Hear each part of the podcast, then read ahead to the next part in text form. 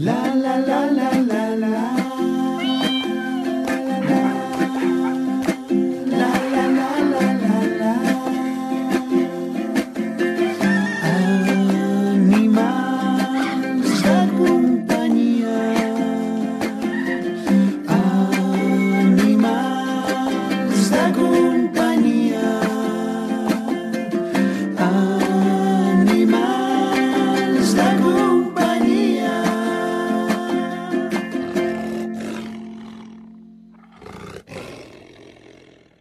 Els peixos tenen memòria?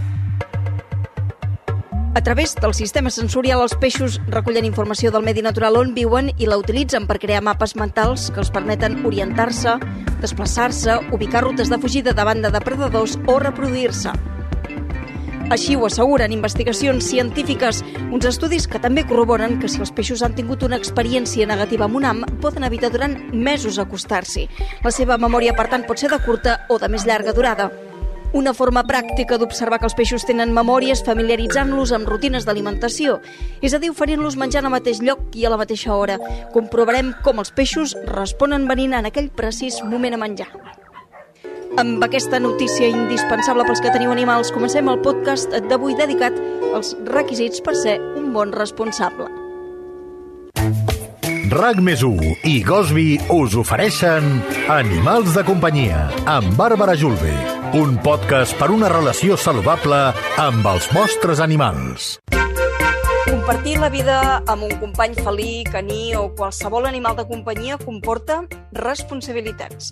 Quines? En parlem amb Helena Garcia, veterinària especialista en medicina del comportament del Veto Group, del projecte VetBons i que col·labora també al Servei de Comportament Anicura Arts Veterinària. Helena, estàs per aquí? Què tal? Hola, què tal? Encantada d'estar aquí. Helena, moltes vegades eh, adoptem un, un, un gat o un gos, ho fem potser de manera impulsiva, volem eh, la seva companyia, però no ens preguntem abans si realment complim uns, uns requisits no? per, per poder-lo fer feliç. Eh, comencem pel principi. Què necessiten? Eh, ens centrem en gats i gossos. Què necessiten els gats i els gossos? Doncs unes quantes coses que la majoria de persones podem donar-los, però sí que és important que siguem conscients d'aquestes coses per, per poder-los facilitar. Jo us diria que una, una mica les coses més importants serien que estiguin acompanyats, vale? que és una necessitat per ells, no els agrada estar sols. De fet, tenim molts problemes amb, amb gossos especialment que tenen problemes a l'hora de quedar-se sols. No? Els serveis de comportament és un motiu de consulta habitual. També necessiten estar eh, entretinguts d'alguna manera, no? És a dir, nosaltres ens passem el dia fent coses amunt i avall, arribem i per nosaltres passejar el és el moment de relax però per ell és el moment d'activitat i a vegades això costa una miqueta d'enganxar, no? O arribes a casa i trobes el gat que té unes ganes de jugar, no? Que t'agafa de les bosses, que se't fica pel bolso, que dius, ai mare, que... però és el seu moment, no? Poder passar tot el dia sol i, i necessita aquell contacte, no? Aquella, aquella activitat, aquelles coses a fer. Què més necessiten? Necessiten fer les conductes que són pròpies de la seva espècie, no? És a dir, doncs tenim gossos i tenim gats i mm, els gossos els encanta ensumar. bueno, els encanta, et diria, necessiten ensumar. I a vegades no fem els passejos no? de manera que els hi facilitem poder fer aquesta mena de, de conducta. Si els gats necessiten buscar menjar, segur que hi ha persones que ens escolten que tenen gats que poden sortir de casa i es passen el dia voltant, no? És a dir, majoria es passen això, no? Que, si tu dius que els agrada, què fa el meu gat si el deixo fer el que vulgui? Serà voltar i dormir, no? Pues que puguin fer aquestes coses. A vegades, amb entorns que no hi ha aquesta possibilitat de que surtin fora o pel que siguin, considerem que no volem que surtin, els hem d'ajudar a poder fer aquestes, aquestes conductes. I per últim us diria, estem resumint, eh? enteneu-me, eh? però per últim us Sí, sí. diria que també han de ser respectats. Amb això que us vull dir?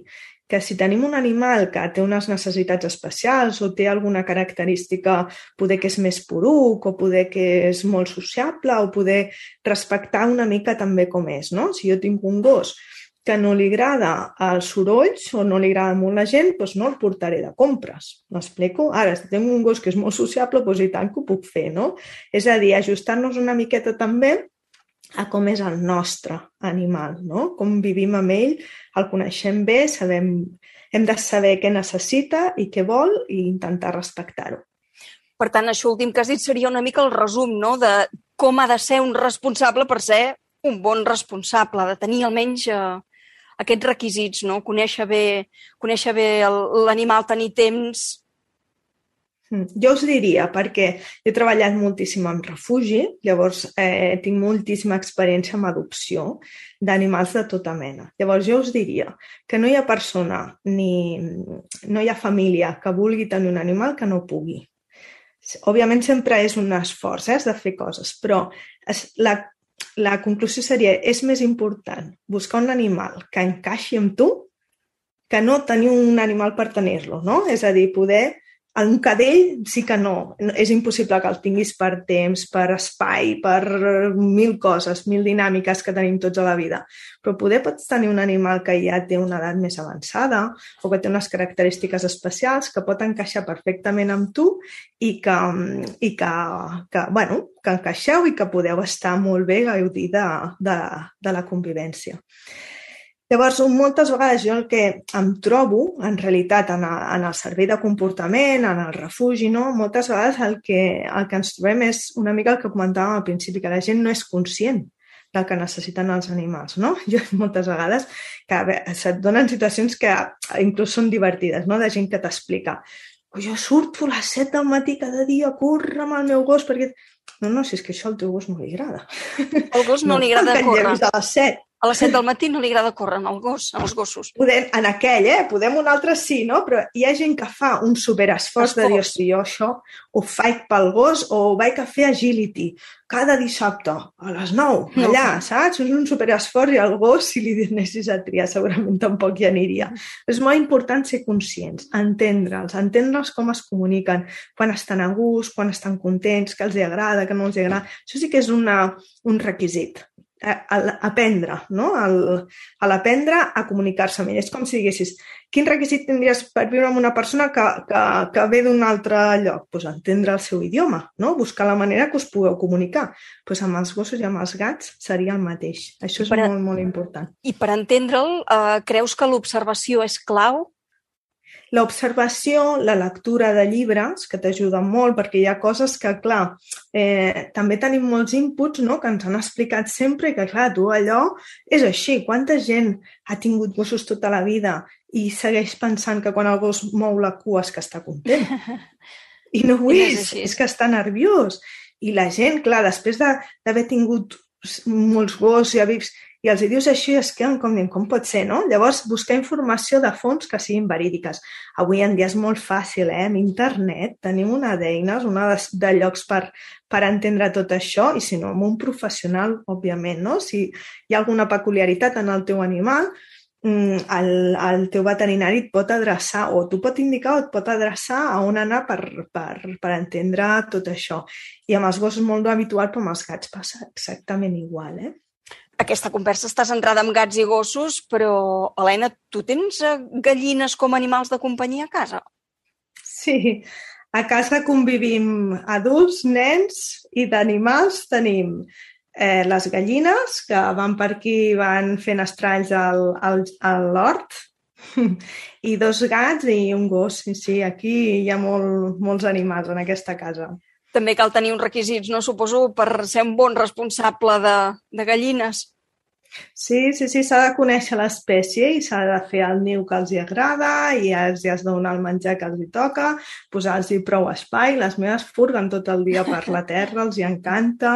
Llavors, quan penses, no, aquests animals amb un jaç de ciment o alguna així, quan es passen tot el dia gratant, penses, ostres, i aquestes doncs, volen per aquí. De fet, podrien anar al veí, però no hi van, es queden aquí. No hi van, sí. i van, i van poner nous, eh? Sí, sí, sí i, i molt bons, per cert. Molt bé, molt bé. Helena, hi ha molts eh, responsables que volen tenir un company animal i pensen, mira, com que no sóc mai a casa, eh, com que no tinc molt de temps per dedicar-li, agafaré un gat. Uh, I després resulta que, que aquest gat no està carregat de, de problemes. Uh, què els hi podríem dir a, a aquesta gent? Ja. El que hem de pensar és això, una mica quin animal encaixa en mi, no? Llavors, sí, eh, el que no podem és triar un gat perquè no tenim temps, perquè no és un, un gat no és un, un gos que no necessita atenció, són diferents, no tenen res a veure. Llavors, hem d'intentar deixar-nos assessorar, els refugis, quan anem a adoptar, coneixen els animals i moltes vegades ens ajudaran molt a entendre.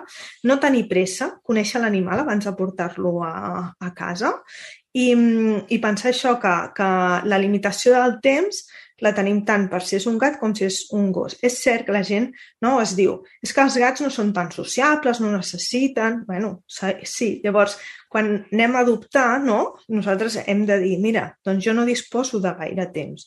No em quedaré al gat que és més carinyós, aquell que sempre està a la falda, que no sé què. No, has d'acceptar que si tinc aquesta limitació hauria d'anar a encaixar amb un animal que encaixi amb aquesta realitat. Per molt que a mi m'agradaria de les 3 hores que tinc al dia per, per estar a casa, que el gat fos mega carinyós, però hem d'entendre que això farà que ho passi malament, no? Sobretot és buscar l'encaix.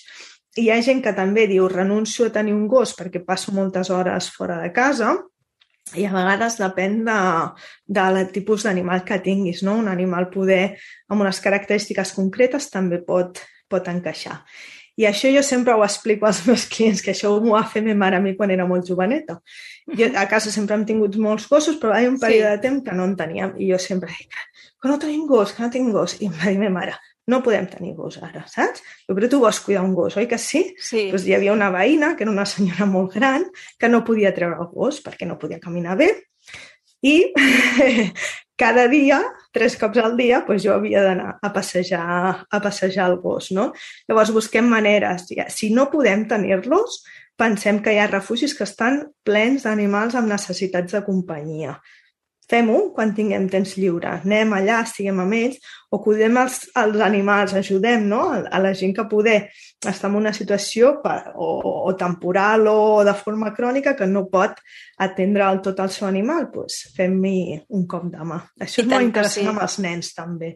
I tant, hi ha diferents opcions i qui vol pot. Esperem, Helena, que amb aquests eh, consells eh, els responsables tinguin ara una mica més clar què cal fer o, o ser no? per convertir-se en un bon responsable. Moltíssimes gràcies per acompanyar-nos avui en el podcast.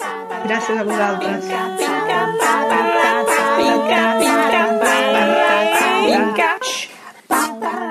He matat una formiga avui al col·le a l'hora del pati. Jugava caniques i a l'última jugada una formiga negra ha creuat pel mig.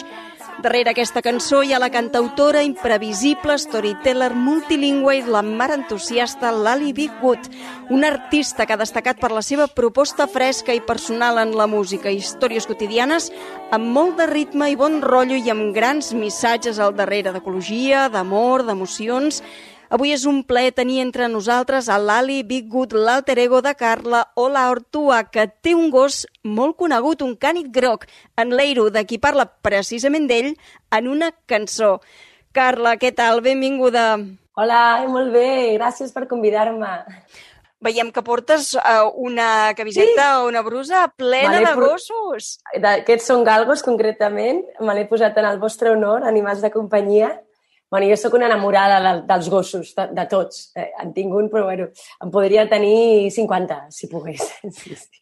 Tens en Leiro, el meu gos groc, no? que has escrit i cantat. És un tribut als nostres amics peluts. Sempre hi són, eh? I sempre ens alegren la vida. Sí, sempre hi són. És un amor incondicional. O sigui, jo crec que hi ha molta gent que coneix l'amor incondicional a, a través dels seus gossos, justament, no? Jo entenc més de gossos que d'altres animals, ja et dic, soc una enamorada de tot, de tot el que se mueve, però sí que, mira, aquesta cançó del gos groc que tu deies va succeir justament en pandèmia i justament que estàvem tancats i jo em pagava unes passejades pel bosc amb el Leiro espectaculars i era com, estava tan agraïda, un cop més, a viure amb ell, que mira, vaig dir, és el moment de fer el Dixieland aquest. Sí, sí. I és groc, és de color groc. Bueno, és groc, sí, és, és, ara cada cop és més blanc. Ell és ros, és ros, aquest, aquest color panotxa, taronja groc, però clar, m'agradava molt dir el meu gos groc, no? que era molt més, uh, La gent deia, no, però és taronja. Bueno, dic, sí, bueno, ara, i amb el blanc que té cada cop és més, més blanquet.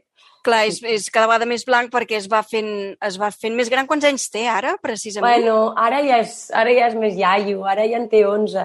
11. Però bueno, està, està bé, té algo del cor ja i està medicat, però, però ara està estable. Em vaig pagar un susto aquest any que en plan, escolta, que no t'han impactat, tu no te'n pots anar d'aquí si no, no t'han fan patir, fan patir molt. En la cançó parles eh, que et va mirar els ulls i vau marxar, no? Què, què vas sentir quan vas adoptar-lo? No, va ser bestial, perquè jo vaig anar... Jo feia quatre anys que no tenia gos, perquè vivia amb el meu home a Barcelona i ell tenia moltes al·lèrgies. I llavors jo era com... Jo sempre havia tingut gos de petita, més petits o més grans, però sempre havia tingut gos i fins que, no sé, doncs jo devia tenir 8 anys o 9, fins, la meva mare ja no podia més i fins que va comprar un gos no vaig callar, no? I aleshores va passar que jo li vaig dir que jo tenia l'Ali ja i el meu home treballava en aquella època molt amb mi, estàvem pujant-ho junts. I jo vaig rebre, això que passa a internet, que és d'aquestes coses que no saps mai, vaig rebre un mail, eh, un gos Lalo, bueno, tal, una història. Me'n vaig anar a Cuenca, perquè li vaig, em va dir, bueno, va, pues sí, venem-lo a agafar, que necessita casa d'acollida. Aquest gos ja estava amb una senyora molt, molt maca, molt gran, i llavors vaig anar a la protectora i va donar la casualitat, hi havia cent i pico gossos, eh? però va donar la casualitat que ella, ella estava suelto en, el, en su momento de recreo, em va venir, em va mirar, em va donar la pota i se'n va tornar, no? I en aquell moment va ser, bueno, m'ha escollit i vaig estar ja una hora més i la vaig dir, és que és aquest, jo anava a buscar un més sí. petit, però clar, ell és, és més gran ja, no és enorme, però, però és més gran. I sí, sí, a partir d'allà ja no ens hem separat. De fet, ara és iaio, però és molt conegut el Leiro. Si a vegades per Barcelona me'l paraven amb ell i després, ai! I jo, sí, hola, jo sóc la Dali, eh? paraven el gos, pujava als concerts, sí, sí. Molt famós. D'on li ve aquest nom? L'Eiro ja, el, ja el tenia, la protectora? No, es deia, es deia Flaco, perquè estava Uf. pobre en els ossos. No, Mm. jo no vaig voler-li posar Flaco, li van posar les noies argentines, que són les que el van rescatar. No, a, a l'Eiro Llop, jo, jo tenia un conte, bueno, tinc un audioconte, que en tinc diversos, una col·lecció, els audiocontes, que abans els personalitzava amb el nom de cada nen, i hi ha una història, que és Els Amics del Bosc, que és la meva preferida, que és una història d'ecologia per terra, mal i aigua, i hi ha un moment, en, bueno, hi ha un personatge molt famós, molt, molt important, que és el Leiro el Llop. I, clar, eh, vull reivindicar una mica, ja té una cançó, l'Iru Llop, i vull reivindicar pues, això, que els en van tractant molt, no?, des de la, bueno, des de l'església, de, de Lobos, el Diablo, bueno, els llops estan fatal, no? I llavors, quan el vaig conèixer, vaig dir, pues tu has passat igual de malament que aquest, i li vaig posar l'Eiru, mira. Acabava de fer la cançó i li vaig posar el, el nom. De fet, tens moltes, no?, cançons d'animals. Ara una de nova sobre la cuca i el grill, eh, que Sí. parles d'un amor impossible. És un Wasted Story, i dir que és el Wasted Story dels insectes, no? Uh, jo tinc un jardí, bueno, és que també m'agraden molt els jardins i les plantes, clar, jo crec que va tot junt, no? Que ens agraden els animals, ens agraden les plantes, la natura, i, i clar, la formiga no? és tan hit i tal, i ostres, llavors teníem ganes de fer algun, algun altre insecte i se'ns se'm va acudir aquesta història de la cuca i el grill, que és una història d'amor impossible perquè són espècies diferents i de lo que ve a parlar és que l'amor en les persones igual de races diferents no, no té barreres, no? T'agrada, us agrada a tots a casa vostra doncs, a, la natura, els animals, sous dels que ajudeu a tots els gats i gossos i ocells que trobeu? Sí, sí, intentem, intentem. Jo ara, clar, tinc dos nenes bastant petites i algun cop aquí a l'urbanització que he vist per Sitges ens hem trobat algun gatet que l'hem ajudat, l'hem agafat, l'hem pogut donar en adopció, doncs ocells també, allò que a més amb els ocells no saps mai què fer, perquè de cop els portes als veterinaris i diuen no, aquest ocell no està protegit, i diu, ah, aquest sí, aquest no.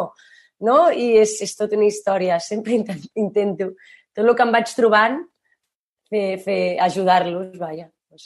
Tu, tu, Carla, dius que la música és tan important eh, pels nens com, com ara parlar, com escoltar, moure's... I els Sí. animals també són importants? Superimportants. Per super, què? Super. Doncs mira, per començar, jo és que sóc molt radical amb aquest discurs, i jo crec que si el, el problema que tenim d'ecologia, el, el megaproblema que tenim, el problema més gran que tenim i que no sembla que s'arregli, perquè no hi ha prou consciència, jo crec que si la gent, els humans, eh, no diferenciéssim tant entre ellos y nosotros, entre lo que nos sirve y lo que nos... Eh, so, no? És com no diferenciar entre nosaltres i la resta d'animals, perquè aquest planeta no està aquí per servir-nos, està aquí per, per compartir-lo amb els altres éssers. Llavors jo, jo no diferencio tant, o sigui, a mi no em sembla ga- gaire menys important ni menys important la vida d'un gos que d'una persona. clar que hi ha un tema d'espècie, no? Però vull dir, a nivell de dir de filosofia, i jo crec que si tothom pogués, en condicions bones, eh, gaudir d'animals, de companyia d'animals, a part de que té bons beneficis, um, poder la nostra relació amb el planeta seria millor. Canviaria. Uh, quina pel·lícula d'animals o quin llibre on els animals siguin els protagonistes ens recomanaries? Bueno, ara, quan m'ho vas preguntar, ara de Pixar, clar, n'hi ha moltes, no? De coses xules així, d'animals i tal. Um, jo recordo molt això de, de joveneta, no sé, preadolescent, de llegir Colmillo Blanco, la novel·la d'un llop, i, i recordo, bueno, recordo plorar molt, bueno, recordo que és trista, no? Però em va marcar molt. De fet, jo fa molts anys, molts anys, que dic que no de la perra, que no de la... O sigui, no sé, ho dic, fa tants anys que ho dic que al final m'ho he cregut, o sigui, de tant repetir-m'ho, no? I jo crec que la relació aquesta, clar, també l'Ali és una dona llop, perquè li surten orelles quan hi ha una plena. Aleshores, hi ha una sèrie de coses que, que podria ser que em vinguessin inclús d'aquest llibre, sí, sí. La Lali és una, és una dona llop, però ara no, no portes les orelles de llop no, les no, has sortit, perquè clar, les orelles surten amb la lluna plena i a la nit. I aleshores, bueno, pot ser que aquest 2022 arribi un musical, això és una mica spoiler, arribi un musical on s'expliqui no, la història fundacional de l'Ali i com, com va arribar a ser una dona llop i tot això un musical mm, pels nens, eh, per a aquest sí, públic familiar, familiar que, que, amb el que tu doncs, eh, destines, no? les, teves, les teves cançons que parlen de, de moltes coses que, que tenen la missió de fer un món millor, no? perquè, com, com bé dius, la música, a més de divertir-nos, també doncs, ajuda a crear consciència, educant l'amor no? per la vida, per la natura, i jo hi afegiria també pels animals. Clar, no, no, segur, sí, d'animals n'hi ha unes quantes al meu repertori, però, bueno, és això, la música, evidentment, poder, el més difícil en música, pels músics, els que ens dediquem a això i que, a més de fer música, volem transmetre un missatge doncs perquè, perquè treballem amb valors educatius o valors contemporanis, com dic jo, a valors que ens han d'ajudar a, a, a fer un món millor, això que dius tu, però, clar, tot això eh, a vegades el que costa és fer-ho divertit, no? La, la formiga és un gran exemple, perquè jo a mi em va passar, no? Ostres, una altra cançó d'ecologia. Ostres, va, vinga. No? Lo, de, lo típic, no? Vinga, va, hem de tirar la bros, no? El plàstic, el paper i tal. I dius, sí, és que la gent ho té, ho té ja com matxacat i, i, i inclús malentès, a vegades ja tan matxacat, no? Llavors, era un bon exemple de dir, bueno, fer, una cançó d'ecologia, però vaig, vaig, bueno, a vegades llegeixo coses així més, més espirituals i més fent, i un dia meditant, que també ho faig una mica, no, no molt, però intento allò estonetes, i em va venir això, no? que si tu no podies fer mal a un animal més petit, no podries fer una... O sigui, tu no te'n pots anar a caçar lleons si tu no pots fer una formiga, està clar, no? I per això va ser el, la protagonista la formiga, sí, sí. Doncs Lali Bigut, eh, Carla Olaortua, moltíssimes gràcies per estar avui entre nosaltres. Estem encantats que ens Igualment, eh? diguessis eh? que sí. Que, com, com, perdona? No, que estem, que estem encantats que ens diguessis que sí a aquesta ah, entrevista. Bueno, jo, jo, perquè és que el tema de parlar d'animals, ja et dic, o sigui, podria estar tardes fent cafès, vull dir, jo crec que és unes amigues i no t'interessen els temes, si es parla d'animals jo puc estar tot, tot el dia. Sí, sí. Doncs t'emplacem un altre dia i a fer una, claro. una segona part. Quan necessiteu. Molt bé, moltíssimes gràcies. Una abraçada. Moltes gràcies. Que vagi bé, amics i peluts. Doncs és el moment ara de saber qui ha guanyat el concurs d'aquesta setmana. Contactem amb en Jordi. Estàs aquí, Jordi? Què tal? Hola, Bàrbara. Aquí estic, anar mirant fotos dels animals de companyia. Déu-n'hi-do, les que hem rebut una quinzena llarga. Una quinzena llarga és la primera vegada i, i bueno, hi ha fotos de, de tot tipus i jo crec que molt contents per, per mostrar aquests animals de companyia que, que tenim tots plegats. Què tal? Uh, què què t'han semblat? Bé, n'hi ha de tot, diguem-ne tendres, atractives, però aquesta setmana en, ens han enviat una foto molt, molt curiosa, que és d'en Milú, un terrier de 7 anys, que li agrada molt nedar a la platja, a la platja de, de Baix Mar de Torre d'Embarra, i el curiós és que en, en Milú té una conta a Instagram, o sigui, no, no és ni en la Maria, ni en Josep, ni, ni en Pere, sinó que és una conta d'ell i que etiquetat com a personatge públic. I en Milú el tenim nedant aquí, a la platja de Baix, de Baix Mar, i comenta que a partir de l'octubre ja es pot tornar a banyar. I per originalitat i, i per tot això, pues, crec, crec vaja, que se li ha de donar el premi a, a en Milú. Doncs vinga, per en Milú, aquest fantàstic lot de productes a Gosby, que consta de Gosby Fresco Dog, Gosby Objective i Gosby Exclusive Dog per ell, eh, perquè el pugui disfrutar. Eh, anirà a casa seva aquest lot de productes gràcies a la col·laboració de Gosby. Doncs vinga, des d'aquí us animem a enviar més fotografies de les vostres, dels vostres animals de companyia i d'aquí 15 dies en tornem a parlar. Sí, d'aquí 15 dies, un altre premi. Els recordem als nostres oients que l'únic que han de fer és posar el hashtag concurs Gosby RAC1 i etiquetar 3. Gosby guió baix oficial, Animal Respect guió baix on tour i Animals de companyia RAC1. Amb això ja poden participar al nostre concurs. Jordi, m'ajudes a acomiadar el programa? Doncs vinga, acomiadem el programa avui repartint premis. Doncs vinga, punt i final al podcast d'avui. Gràcies. Adéu, fins aviat. La la la la la. RAC més i Gosby us han ofert Animals de companyia amb Bàrbara Julve. Un podcast per una relació saludable amb els vostres animals. Sabies que Gosby és la marca catalana per excel·lència en la preparació d'aliments d'alta qualitat per als nostres gats i gossos? Perquè alimentar és una forma d'estimar, Gosby, l'alimentació conscient per als teus gats i gossos. Ens trobaràs en clíniques veterinàries i comerços especialitzats de proximitat. Consulta'ls a gosby.com.